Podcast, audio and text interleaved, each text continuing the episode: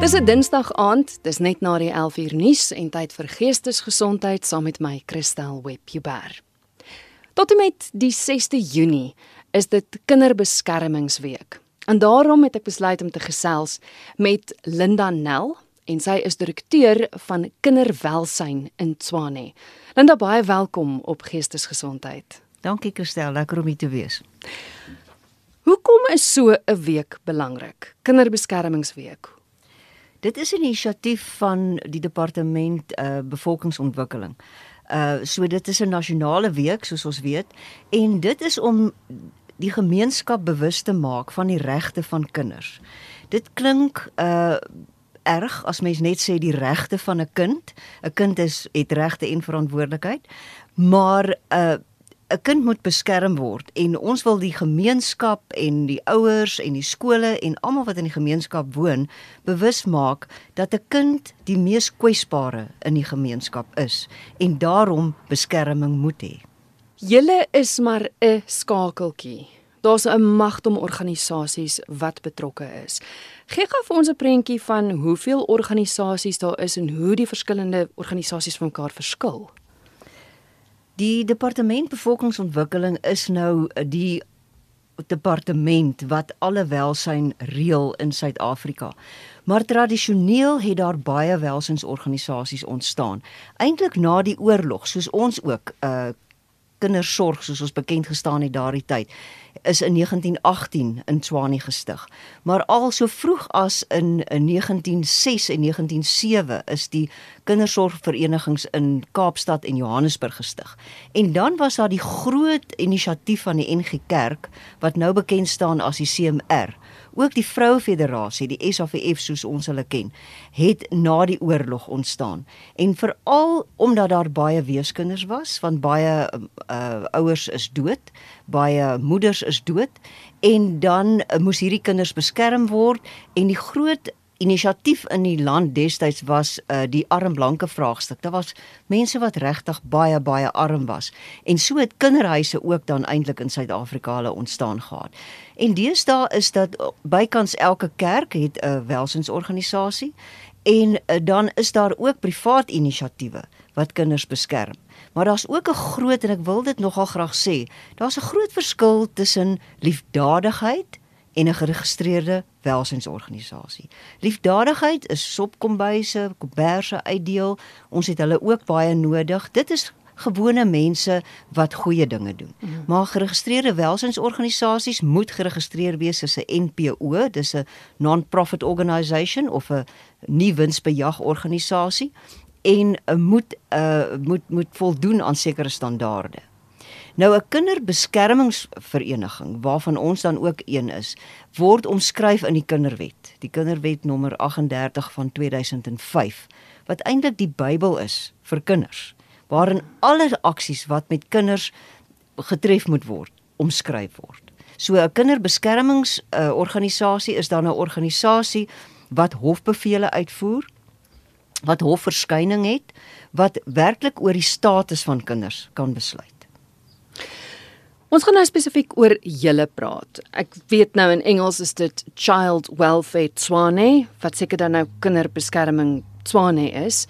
Wie is julle? Want julle het ook 'n lang geskiedenis. Soos ek gesê het, uh, het uh, Johannesburg en Kaapstad. Kaapstad was die eerste uh, kindersorgvereniging in 2006, Johannesburg 2007, ons 2018. Kan jy glo dit was 'n wonderlike jaar. Dis die jaar waarin Sanlam gestig is, dis die jaar waarin Afpop gestig is, dis die jaar waarin ons gestig is. So dit was 'n jaar waar daar regtig baie groot organisasies en dit was 'n inisiatief uit die gemeenskap. Net soos ons dit vandag nog nie sonder die gemeenskap kan funksioneer nie, was daar die burgemeestersvrou het die inisiatief geneem en gesê hier is soveel weeskinders, sogenaamde weeskinders. Ons het nou baie minder weeskinders, maar daai tyd was daar baie en ook gesinne wat baie arm is en baie swaar kry. So dit het maar begin met die uitdeel van komberse en kos en klere en so aan. Maar baie spoedig is daar 'n maatskaplike werker, 'n welsynswerker aangestel wat dan na families toe gegaan het en die situasie ondersoek het kinders verwyder het waar dit moes, kinders in kinderhuise geplaas het. So dis waar ons vandaan kom. So ons is hierdie jaar 103 jaar oud. Ja, ongelooflik. En steeds baie afhanklik van die gemeenskap vir donasies, vir bydraes, vir vrywilligers. So sonder die gemeenskap kan kan ons nie funksioneer nie. Ons word wel finansiëel deur die staat bygestaan omdat ons werk vir die staat doen. Net soos ons susterorganisasies, al die kerkorganisasies, die Vrouefederasie, daardie tipe van en dan soos uh organisasies vir gestremdes waarvan daar menigte is. Hmm. So julle is by al daai dinge betrokke, van die voorbeelde en goed wat jy wat jy nou genoem het by kinderhuise en en alles, want julle doen 'n magdom goed. Ja, ons werk in die gemeenskap in alle gemeenskappe mm -hmm. in en rondom Tshwane en dan bedryf ons ook 'n kinderhuis, Bramley Kinderhuis en dan wil ek ook graag sê ons is in vennootskap met al die ander organisasies. Die die uh departement bevolkingsontwikkeling het dit baie goed gedink om uh hierdie organisasies te organiseer sodat elkeen in 'n sekere streek in 'n gebied kan werk. Dat daar is soveel om te doen. Veral as 'n mens met kinders werk. Ag ek kan jou ek kan nie vir die luisteraars sê hoe belangrik is een dag in 'n kind se lewe in 'n kind wat swaar kry nie. So ons as organisasies moet hande vat om regtig waar 'n sogenaamde uh 'n safety net wil ek nou sê, 'n um, 'n 'n netwerk saam te stel om die kinders wat val te red. Dis 'n groot deel. Julle het kinders gered. Julle kyk nou na hulle. Maar ek wil 'n scenario skep want ek hoor dit dikwels op die program. Mense wat nie weet hoe en of hulle betrokke moet raak nie. So ek wil hê vanaand se fokus dit is kinderbeskermingsweek. So ek gaan 'n scenario skep en ek wil ek wil hê jy moet die proses vir my verduidelik want ek dink dikwels die rede waarom ons nie betrokke raak nie is omdat ons nie regtig weet wat die gevolge gaan wees en wat die proses is nie. So gestel nou ek hoor my bure se kind die hele tyd huil ek vermoed daar is mishandeling of verwaarlosing. Ek is onderwyser, het dalk 'n kind in die skool. Ek is ouma, vermoed dit dalk. Wat is die stappe wat gevolg moet word? En en ek weet dis nou 'n dom vraag eintlik om jou te vra want mense dink dadelik maar moet ek betrokke raak. So kom ons begin daarby. Moet mens betrokke raak?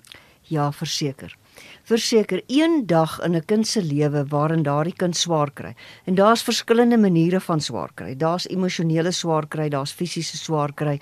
Daar is 'n um, ehm, daar is mense, ons leef in 'n gebroke wêreld wat regtig kinders moetswillig seermaak. Wat kinders gebruik en misbruik vir hulle eie behoeftes. Mm -hmm. Jy weet, uh daar word maklik gesê dat maatskaplike werkers vergewe mense baie maklik. Selfs 'n oortreder was eens op 'n tyd 'n kind. Ja. En dis weer 'n Engelse aanhaling, maar dit bly my altyd by. What you do, don't transform, you will transmit. So baie keer as 'n kind wat swaar gekry het op verskillende maniere, dra dit oor aan sy eie kinders, aan die gemeenskap, gebruik en misbruik ander kinders. Ja, die gemeenskap is eintlik maar die oë en die ore van mense wat 'n mens moet beskerm. Dit is nou bejaardes, maar ons praat nou vandag oor kinders. Dis bejaardes, dis gestremdes, dis mense wat nie regtig in staat is om self na hulle self om te sien nie. So 'n kind is die mees kwesbare in die samelewing. As jy vir my sê 'n mens hoor jou buurman of jou bure se kind huil of die juffrou in die skool sien hierdie kind bring nie broodjies skool toe nie. Hierdie kind sit in 'n hoekie. Hierdie kind byt sy naels. Hierdie kind trek sy hare uit. Hierdie kind boelie ander kinders. 'n Kind sê vir ons eintlik hoe dit met hom gaan deur sy gedrag. Nou of hy skree, dis maar net soos ons groot mense. Mense hanteer spanning en dinge wat met jou gebeur op verskillende maniere. Die sielkundige sê jy veg of jy vlug of jy vries. Mm. Nou kinders doen dieselfde. Een kind sal in 'n hoekie sit, ander kind sal ander kind seermaak. So dit is vir jou alreeds 'n rooi liggie, iets gaan aan. Nou as dit maar net verbygaan en verbygaan en verbygaan, dan bou dit soos ons almal weet hoe posttraumatiese stres 'n invloed het op ons. Dit een dingetjie gebeur, nog 'n ding gebeur, nog 'n ding gebeur. Dit bou op mekaar sodat daardie kind se gedrag naderhand sodanig is dat hy 'n aaklige kind word. Niemand hou van hom nie. Niemand wil met hom speel nie. Die juffrou sit hom in 'n my apologie aan alle onderwysers nou nie regtig in die donkie ry nie. Maar hy kry die etiket dat hy is iemand wat nooit sy boeke by die skool het nie, nie sy huiswerk doen nie. Daar's iets verkeerd met hom. Hmm. So meld dit aan. Daar is soveel organisasies. Gaan na Dr Google toe as jy nie weet wie nie. Kyk watter welsinsorganisasie en soek 'n kinderbeskermingsorganisasie. So organisasie, sogenaamde Child Protection organisasie in jou omgewing en jy kan anoniem bly. Jy moet die adres van die persoon waar die kind is gee. Jy moet identifiserende besonderhede so ver gaan sodat so 'n kind opgespoor kan word. Nou wat gebeur? Dan 'n maatskaplike werker is 'n opgeleide persoon. Ons weet hoe om met mense te werk. Ons weet ook om met kwaai, moedswillige mense te werk. So ons sal gaan besoek af lê of 'n telefoonoproep doen en uitvind wat gaan aan. Soms dink mense, ons stap net in, ons neem die kind, ons verwyder die kind, prop die kind in 'n kinderhuis en dis die een van die prent. Dit kan nie so gebeur nie. Geen kind kan uit sy omstandighede verwyder word as dit nie met 'n hofbevel is nie. So jy assesseer die omstandigheid en wat maatskaplike werkers baie goed doen, hulle kyk nooit na 'n kind in isolasie nie. Jy kyk altyd na 'n kind in sy konteks, in sy omgewing. Wat gaan aan? Jy kyk eers of daar familie is waar by die kind veilig geplaas kan word. Dan skryf jy 'n verslag en jy gaan hof toe en as daar niemand is nie, word so 'n kind dan in 'n plek van veiligheid geplaas. Dit kan by privaat mense wees en dan éventueel in pleegsorg of in 'n kinderhuis en dan ek sal later praat oor aanneming. So dit is 'n dis 'n lang proses en en ek so bly jy het dit aangeraak want ek dink dit is die persepsie wat ons daar buite het is dat ek maak 'n oproep en sê ek vermoed daar's mishandeling en ons dink polisie stop maatskaplike werkers stop die kind word weggeruk van die huis af en daai skuldgevoel van maar dis my skuld dan dat die kind van sy familie weggevat word. So daar's 'n daar's 'n lang proses eers wat jy stap voor so iets gebeur. Dis nie om dowe neete laat ons Hemelse Vader bedoel het dat 'n pa en 'n ma 'n kind voortbring. Hmm. So die beste plek vir 'n kind om te wees is in 'n huis met 'n liefdevolle versorger. Nou alle kinders is nie so gelukkig dat hulle 'n pa en 'n ma het nie. Ons werk met baie kinders wat nie weet wie hulle pa's nie. Dit kom al hoe meer voor. Ons werk met kinders wie se mammas so swaar gekry het dat hulle geen ander opsie gehad het is om die pad te vat nie, weg te vlug nie. Ook 'n bietjie liefde gesoek het en dan by hierdie man en by daai man betrokke geraak het. Ons werk met mense wat onverantwoordelike ouers is. Nou dit is waar ons dan inkom en vir hierdie kind 'n huis probeer skep. So of jy dan in pleegsorg gaan en of jy in die kinderhuis gaan waar daar ook 'n huislike atmosfeer probeer geskep word en of ons doen baie moeite om familielede op te spoor. Daar's baie kinders wat by hulle oupas en oumas groot word en regtig pragtige volwassenes word. Maar daar moet 'n intervensie wees in so 'n kind se lewe. Dit moet vir daardie kind mooi verduidelik word. Daai kind moet gehelp word om dit wat met hom gebeur het in perspektief te sien. Daarom bestaan daar so vir elke kind wat ons ehm um, oor ons pad kom, doen ons 'n individuele behandelingsprogram. So kind word geassesseer, jy sien wat gaan met hom aan voordat daar besluit word wat is daardie kind se toekoms. Dan praat die kinderwet ook oor die sogenaamde stem van die kind, the voice of the child. So enige kind wat ouer is as 10 het 'n bepaalde sê in sy eie lewe. Daar word 'n bepaalde onderhoud met so 'n kind gevoer. Vir elke kind uh wat wat swaar kry, wat nie in sy ouerhuis kan bly nie, word daar 'n individuele behandelingsprogram uitgewerk. So 'n kind word behoorlik geassesseer deur nie eers gewone maatskaplike werkers nie, ma maatskaplike werkers wat 'n nagraadse opleiding het, wat sogenaamde forensiese terapeute is en wat opgelei is om kinders te assesseer. Hulle doen spelterapie met kinders. Daar's verskillende tegnieke. Van die kinderwet maak dit baie duidelik dat die kind het 'n stem. Die kind moet ook sê wat goed is vir hom. Dit is ook Christel wanneer mense nie eers besef hulle kinders kry swaar nie, wanneer mense se huwelike nie uitwerk nie. Wanneer twee mense 'n kind verwek het en besluit het dis nie in hulle belang om met mekaar te trou nie. Dis nie in hulle belang om by mekaar te bly nie, maar daar is nou 'n kind. So die kinderwet sê Daardie twee ouers het nie 50-50 sê op daai kind se lewe nie. Hulle het 100% sê oor die kind se lewe. Maar dan moet daar 'n bepaalde ouerskapsplan uitgewerk word. Waar bly die kind kan nie 2 dae by die een bly, 3 dae by die ander een bly, 4 dae by ouma bly. Waar is sy huis? Toe daar's 'n primêre residensie, daar's 'n plek waar hierdie kind moet bly dan kan pappa of mamma of ouma of enige een wat 'n belang het in daardie kind se lewe die kind besoek. Die kind kan vir besoeke daar gaan. Dit word als in 'n ouerskapsplan baie mooi uitgespel. En as jy as 'n kindjie klein is, is daar bepaalde goed ter sprake in sy lewe. As hy groter word en hy word tiener, is daar ander dinge wat meer belangrik is vir hom. So daai ouerskapsplan kan ook hersien word. Hmm.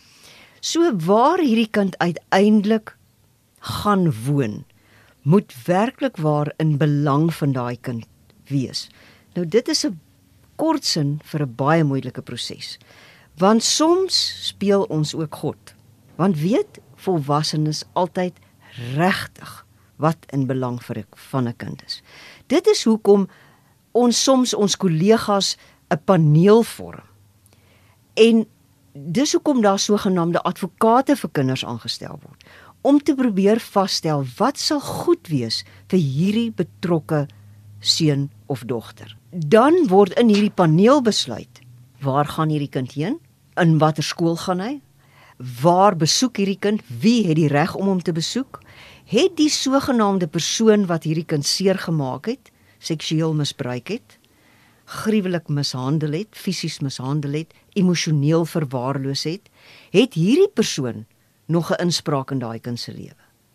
Nou wil ek ook sê dit is 'n ou gesegde, maar waar ek werk en waar ek nou oor die 40 jaar werk, het ek net gesien bloed is ook dikker as water. Al het jou pa en jou ma jou ongelooflik seer gemaak, moet met begeleiding jy nog kontak hê met daai persoon. Want wat verkeerd gegaan het, moet eers daai laai wat omgekrap is, moet reggepak word. Anders verstaan jy nooit wat met jou gebeur het nie. En soos ek gesê het, as jy nie as jy nie met jou verstand kan verstaan nie, kan jy nie met jou hart aanvaar nie. En dan is jy geneig om daai seer te projekteer op jou vrou, op jou kinders, op jou kollegas, op jou vriende, op die gemeenskap. En 'n persoon wat kwaad is, wat onverwerkte gevoelens het, is 'n baie onaangename mens. Dit is vir my so wonderlik want jy het net nou gepraat van as jy as kind seer gekry het, dikwels doen jy dit aan jou eie kinders. So dis daai bose kringloop wat oor en oor. Maar dit voel vir my as jy intree en met 'n kind op pad stap en hulle laat verstaan wat gebeur het, vind genesing plaas wat 'n verantwoordeliker groot mens groot maak wat gaan maak dat dit nie weer gebeur nie. So dis jy stop eintlik daai bose kringloop. Nou moet ek jou sê, soos ek gesê het, dit is 'n gebroke wêreld. Daar's baie navorsing gedoen of ons 100% suksesvol is. Nie ons is nie. Ek hoor nou die dag Jaco Strydom, hy is 'n dominee in Valeria, maar hy het ook Echo Youth waar wat hy begin het en fantastiese werk doen. Hy vertel 'n storieetjie van twee stout seentjies wat na 'n baie wyse man toe gaan en hulle moet die man moet nou raai of 'n voeltjie wat in hulle hande is, lewe of dood is. En die seentjies sê vir mekaar: As die oom sê hierdie voeltjie lewe, dan druk hy hom vinnig dood, want dan gaan hy dalk vir ons geld gee omdat hy verkeerd geraai het. En toe hulle nou by die slim wyse man kom, hy sê: "Oom, is hierdie voeltjies in ons hande lewendig of dood?" En die wyse man sê vir hulle: "Dis in julle hande." En ja. dit is elke mens het 'n keuse. Al was daar hoeveel intervensies in sy lewe, in die kind se lewe, in die sogenaamde oortreder se lewe, in die sogenaamde slagoffer se lewe, dit is steeds in jou hande. Dis in jou hande om die hulp wat na jou toe kom te gebruik, keuses te maak om jou lewe anders te lei as wat jy gewoond was aan. So navorsing het omtrent bewys 'n derde derde derde derde van die mense val terug. Dis vir hulle bekend. Ehm um, hulle word amper nes hulle ouers. Hulle word weer oortreders. 'n Derde gaan aan. Hulle gaan goed aan in die gemeenskap. Hulle trou, hulle kry kinders, hulle het hulle probleme, maar hulle gaan aan. En 'n derde styg heeltemal uit. Hulle word hulle gebruik die kansse. Hulle word sogenaamde advokate vir kinderregte. Nou nie advokate soos ja. ons hulle ken nie, maar ja. hulle hulle doen goed aan die gemeenskap. Hulle probeer red wat daar te redde is. Ja, dit dit is hoe dit is. So ons red nie almal nie. Ons kan ook nie. Maar ek dink vir die luisteraars en die mense daar buite, as jy een kind se lewe kan verander, doen dit. En dan wil ek ook sê by die kinderhuis uh kom baie mense oor ons drempel. Hulle bring lekker goed, hulle bring worsbroodjies, hulle bring geskenke, hulle vryf die kinders oor hulle koppe en sê ag sies tog, dis belangrik en moenie ophou nie. Maar dis nie wat 'n kind net wat hy nodig het nie. 'n Kind het tyd nodig. Die juffrou, die onderwyseres wat na ure bly, die skoolhoof wat sien hierdie kind moet in 'n sport deelneem, die persoon wat na 'n welsynsorganisasie toe kom en sê ek wil tyd spandeer met kinders, ek wil hulle uitneem, ek wil hulle winkel toe neem, ek wil hulle uh na 'n sportbyeenkoms toe neem, ek wil hulle na 'n konsert toe neem. En uh ons keur daai mense natuurlik, natuurlik. Hulle moet ook 'n sogenaamde uh, polisieklaring hê. Hulle mag nie op die register wees dat hulle sleg gedoen het aan kinders voorheen nie. Maar tyd, tyd, tyd. Dis ouers, oumas, ooms, tannies spandeer tyd met kinders. Want so leer jy 'n kind ken. So 'n uh, biege kind baie keer vertel 'n kind vir jou 'n storie en dan kan jy verder gaan en regte hulp en bystand tot so 'n kind vir so 'n kind gee. Linda, stap jy 'n pad met die ouers ook?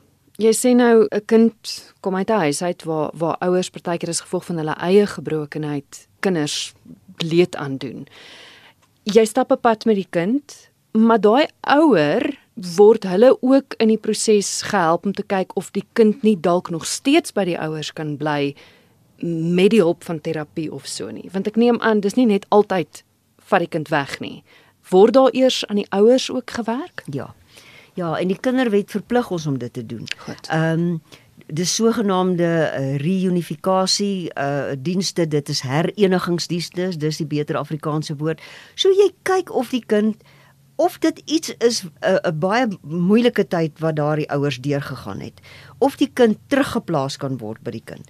As hy nie teruggeplaas kan word nie hoe kan besoeke gereël word tussen ouer en kind? Want dit is vir 'n kind baie goed om steeds kontak te hê met sy ouers. Selfs al word 'n kind aangeneem jy weet Ons praat van uh verlate babatjies. Babas word deesdae in die hospitaal gelaat, hulle word in die veld gelaat. Daardie kind word in aanneming geplaas. Maar dit is 'n menslike behoefte, jy wil weet waar jy vandaan kom. So selfs al is aanneming gedoen 40, 50 jaar terug, ons aannemingsrekords moet ons volgens wet 99 jaar hou. So 'n kind het 'n reg om sy ouers te soek. Die ouers wat daardie kind vir aanneming gegee het, het 'n reg om te sê of hulle hulle kind wil ontmoet. En dit word ook begelei. Ja, ons werk baie hard om daai ouers, want ons het ook gesien, Christel, baie keer uh sommige mense dit wat hulle nie reg het nie, reg gekry het nie, wil hulle vervang. En sulke ouers het nog kinders en nog kinders.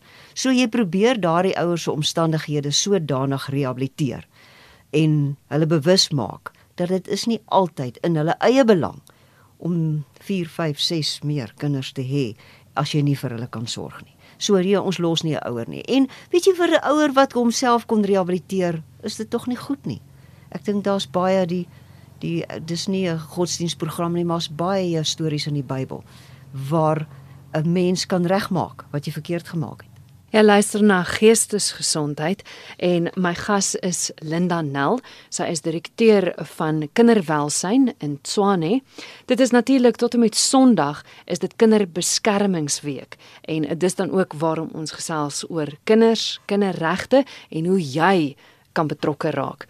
As jy miskien dalk bewus is van 'n kind wat mishandel word of verwaarloos word. Mense maak altyd grappies die dag as jy 'n kind kry en sê ja, kinders kom nie met handleidings nie en elke kind is anders. Is daar opleiding vir ouers wat nie weet nie?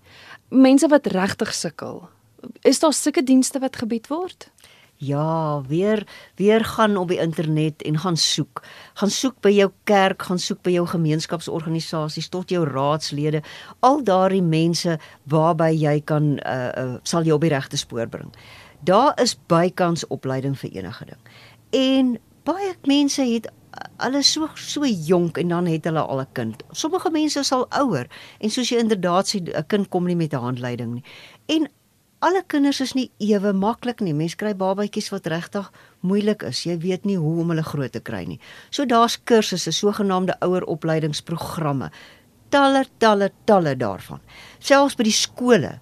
Daar is selfhelpgroepe. Daar's groepe waarin mense kan wees wat vir dames baie lekker is ons uh, daar is voorgeboorte klasse selfs daardie sogenaamde voetvroue kan jou sê verder as hierdie kind 'n kleuter 'n peter 'n groter kind word waar kan jy gaan vir opleiding en dan as jy 'n kind as jou kind moeilik is en jy kan nie ons uh, praat baie van binding hoe bind 'n mamma hoe bind 'n ouer met 'n kind? En baie dinge loop alreeds daar verkeerd. Want as jy onseker is as jy deur nageboorte depressie gaan uh daar is baie goed wat jou kan oorkom. Siekte. Jou man verloor sy werk. So jy kan nie jou volle aandag aan daardie uh ou babatjie wat so skree en net wil kos hê gee nie. Wat kan jy doen? Hoe kan jy werk aan daai binding jy weet uh dis ook 'n ou gesegde dat uh tot op 7 doen jy baie belangrike werk in 'n kind se lewe en dis eintlik waar so baie baie goed gaan verkeerd in daai bindingsproses. En hoe kan jy hulp kry? Hoe kan jy raad kry om dit reg te kry? So kan jy baie goed voorkom baie van die luisteraars weet Lukas ons seun is op die autisme spektrum en ek ek het baie te doen met met ander ouers wat wat ook uitdagings het, kinders wat verstandelik gestremd is, wat cerebral palsy het, wat wat regtig, ek meen dis moeilik om kinders groot te maak soos dit is. Met sulke ekstra uitdagings is dit nog moeiliker en aanvaarding weet ek is is dikwels iets waarmee waarmee mense sukkel. Dis vir my so hartseer. My seun is nie verbaal, so hy kan nie praat nie en daar's daar's baie ander kinders hulle stem is dikwels regtig weggevat. Hulle kan nie kommunikeer nie. En ek dink, ja, dis nogals dit maak hulle vir my soveel meer weerloos, want hoe help jy so 'n kind? Hoe weet jy wat in so 'n kind se lewe aangaan? As ja. as hy of sy self nie eintlik eers met hulle gedrag kan wys hmm. dat ek mishandel word by die huis of of dat mamma en pappa my regtig verwaarloos nie. Ja, en en hoe wys jy liefde? Ja. Hoe wys jy liefde vir so 'n kind? En regtig 'n kind het het twee goed ongelooflik nodig. En dit is liefde en struktuur, grense. Hoe leer jy 'n kind dit is reg en verkeerd?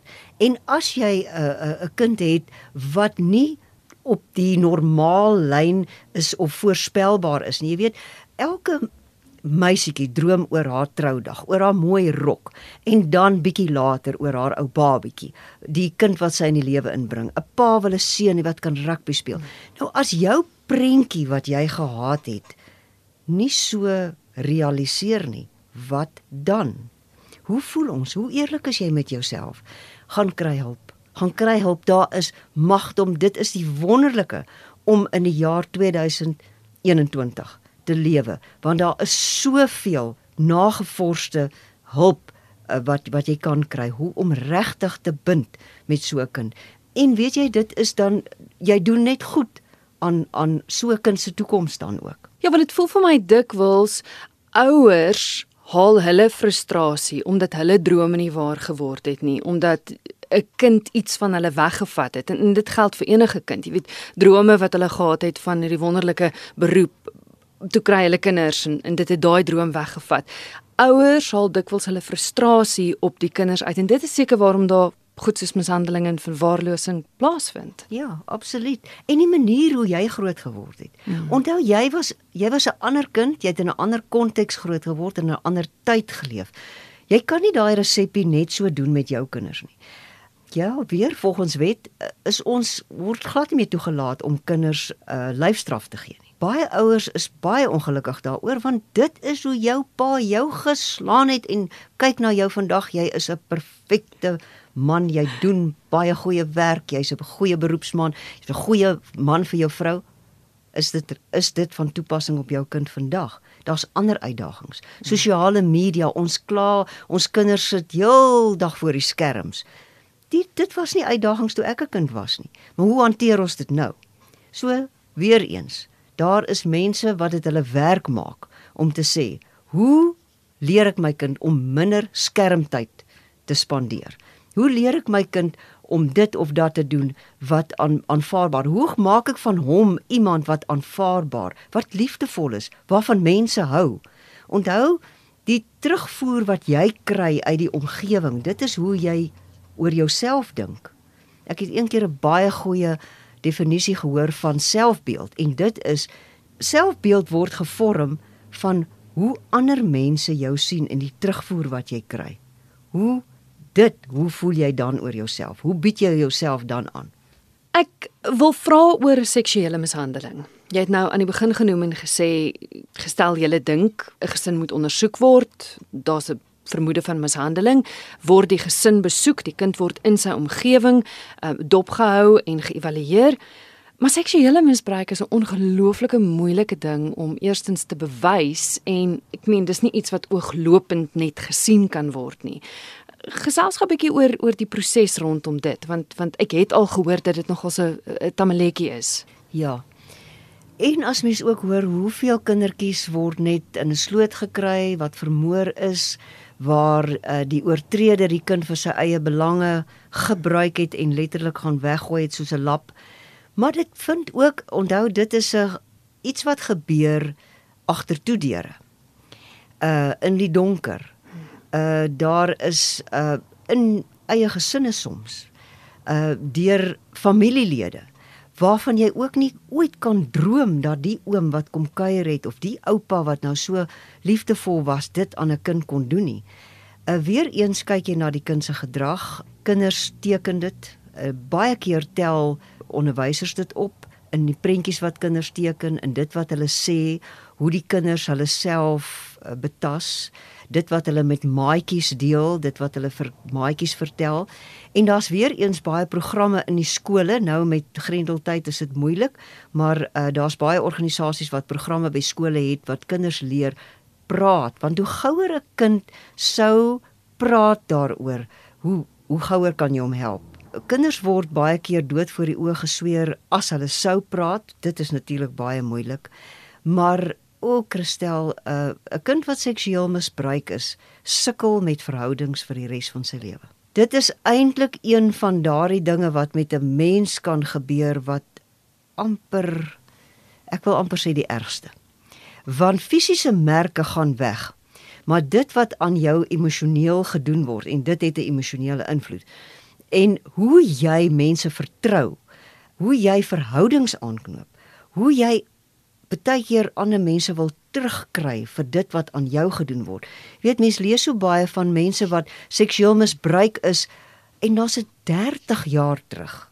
En dan het hulle nou eers die moed om daaroor te praat. Ja, sulke kinders word baie goed geassesseer. Ons neem hulle ook vir mediese ondersoeke en dan kyk jy maar jy sit soos 'n legkaart al hierdie stukkies aan mekaar. 'n Mens wil ook nie mense net valslik beskuldig nie, want daar is ook mense wat nie meer van hulle mans hou as hulle van hulle man skei nie, ja of nie meer van hulle of iemand anders wil seermaak of terugkry en dan sê jy hierdie kind is seksueel misbruik. Jy moet baie baie versigtig wees en dit regtig daai kind moet baie goed ondersoek word, geassesseer word. En um, As jy al hierdie legkaartstukkies bymekaar sit, dan spel dit 'n prent uit. Maar uh om iemand valslik daarvan te beskuldig, is amper net so erg. Oh. Ja, want hoe hoe herstel? Onthou, as jy weens 'n seksuele misdryf uh, skuldig bevind word, word jou naam op 'n register gesit. En as jy vir 'n werk wil aansoek doen, as jy enigsins enige ding, eh, jy weet as jy as jy met 'n kind te doen het, kan iemand op die register in in ingaan en sien dat jy was 'n seksuele oortreder. So dit is eintlik 'n straf, dit kom op jou rekord lewenslank. Nou goed, uh, ek weet iemand wat dit teen 'n kind doen, dis seker sy verdiende loon. Ek is baie keer ook jammer vir so 'n persoon want gewoonlik het dit maar ook met hom gebeur. Maar nou ja, dit is 'n dit dit is 'n onderwerp vir 'n ander dag. Ehm uh, maar om 'n mens valslik daarvan te beskuldig. Dit is dit dit is 'n groot dit is 'n groot misdaad. Jy as Linda, soos jy sê wat 40 jaar lank al in die bedryf is, wat oor 40 jaar gesien hoeveel onreg daar teenoor kinders gedoen is. Hoeveel seer daar in die lewe is. Hoe gaan jy aan? W wat wat het dit aan jou gedoen oor die 40 jaar? Ag, net goed. Ehm, um, weet jy, as daar niemand sal wees, dis nou nie net ek nie, dis nou al my kollegas. As daar niemand sal wees wat omgee nie, wat dan? En ons het soveel suksesverhale. Daar is soveel volwassenes wat terugkom sê tannie, ek was in hierdie kinderhuis en so aan. En daar is net soveel om net te sien die verandering, die intervensie wat jy in 'n mens se lewe kan bring. En dan wil ek ook sê, jy weet, dis nooit ons lag nooit vir die mense nie, maar ons lag saam met hulle. Daar's ook baie humor. Want ons werk met mense en om om mense te probeer desensiteer vir vir dinge wat hulle baie intens beleef het, is tog 'n uitdaging. Is tog om weer 'n glimlag en nou kan ek vreeslik emosioneel raak en sê 'n 'n glans in daai ou se oë terug te bring, maar dit is regtig so. Nee, ek dink 'n onderwyser, verpleegster, 'n dominee en so 'n maatskaplike werker word maar gebore. Dis in ons DNA en ek doen dit met vreugde. Ek was 'n rukkie uit die beroep uit en ek het teruggegaan en dit is net vir my regtig dis iets wat ek wil doen tot ek nie meer kan nie. Lena, het julle nou met die inperking, met die hele COVID pandemie wat wat gebeur het. Kon julle agterkom dat dat dinge erger geraak het, dat dinge beter geraak het? Hoe lyk dinge nou? Dit het 'n groot uitdaging gebring finansiëel net vir al ons welsynsorganisasies want ons kon nie ons projekte doen nie, maar behalwe dit sit dit nou tersyde. Jy weet veral soos 'n fisiese mishandeling en um seksuele misbruik uh vind in die geheim plaas. En baie keer word 'n kind deur die skool, deur die bure, deur die uh gemeenskapsorganisasies soos die voortrekkers, soos die landsdiens, soos die rugby onderwyser, soos die hokkiejuffrou aangemeld by ons van sy het blou kolle op die kind gesien. En in Grendeltyd was ons deure toe. Kinders het nêrens heen gegaan nie. En frustrasie het toegeneem. Ek dink mense wat elke oggend hulle hulle ontbyt eet en uitgaan, kinders gaan skool toe, pa en ma gaan werk toe, was almal ingehok en het hierdie goed meer plaasgevind. Ja. Be, uh, ons het regtig waar gesien daar's 'n daar's 'n toename en uh goed die hierdie sake was minder aangemeld. So ja, die oë en ore wat gewoonlik daar was is nie daar nie. So en dan gaan dit langer. Dit vat langer dan vir 'n saak om vir 'n vir iemand om toe te tree in mhm. so 'n gesin. Jy het vroeër genoem wat ons as gemeenskap kan doen. Maar gestel nou ek sit hier en besef, weet jy wat, ek gaan nou ophou praat en ek gaan begin doen. Hoe kan mens betrokke raak? Kinders was nog altyd en hulle ons was almal kinders en hulle gaan nog altyd daar wees. So hou jou oë en ore oop. As jy sien jou buurvrou het 'n klein babietjie, gaan besoek haar. Gaan neem vir haar uh, sogenaamde botterbroodjies. Dis 'n ou gebruik, maar doen dit. En ons bly agter hoë mure. Ehm uh, raak betrokke as jou eie kinders groot is. Raak betrokke by kinderhuise, raak betrokke by die skool, raak betrokke by by jou gemeenskap. Raak betrokke by jong mammas wat dit nodig het dat iemand vir hulle soms goed is wat sê weet jy wat as jy wil gaan inkopies doen ek sal na jou kind kyk. Ons is bang want 'n uh, mens is bang dat dat dat jy wil nie op ander mense se tone trap nie. Ag weet jy wat 'n glimlag 'n vriendelike 'n vriendelike besoekie het nog nooit iemand kwaad gedoen nie. Is maar raak betrokke in jou eie klein kringetjie. Jy gaan weet. Jy gaan die wysheid kry om te weet hoe. Hoe kan julle gekontak word? Ons is dan in in Pretoria. Ek sal 'n nommer gee, maar soos ek gesê het, gaan kyk asseblief op die internet na jou naaste welsynsorganisasie. So ons is uh, Child Welfare. Uh ons nommer is 012 460 9236. ek is Linda Nel. Jy kan my ook maar erns soek. Ek is tot bereid om my selfoonnommer te gee. 082 376 1600. En uh, soos ek gesê het, ons kan nie alles doen nie, maar ons kan jou verwys na mense wat vir jou kan help. Linda baie dankie. Dankie vir die verskil wat jy maak in soveel mense se lewens en vir al kinders. Dankie vir die geleentheid. Ek hoop dit kan 'n klein bydrae lewer. Ek het gesels met Linda Nel. Sy is die direkteur van kinderwelsyn in Tswane.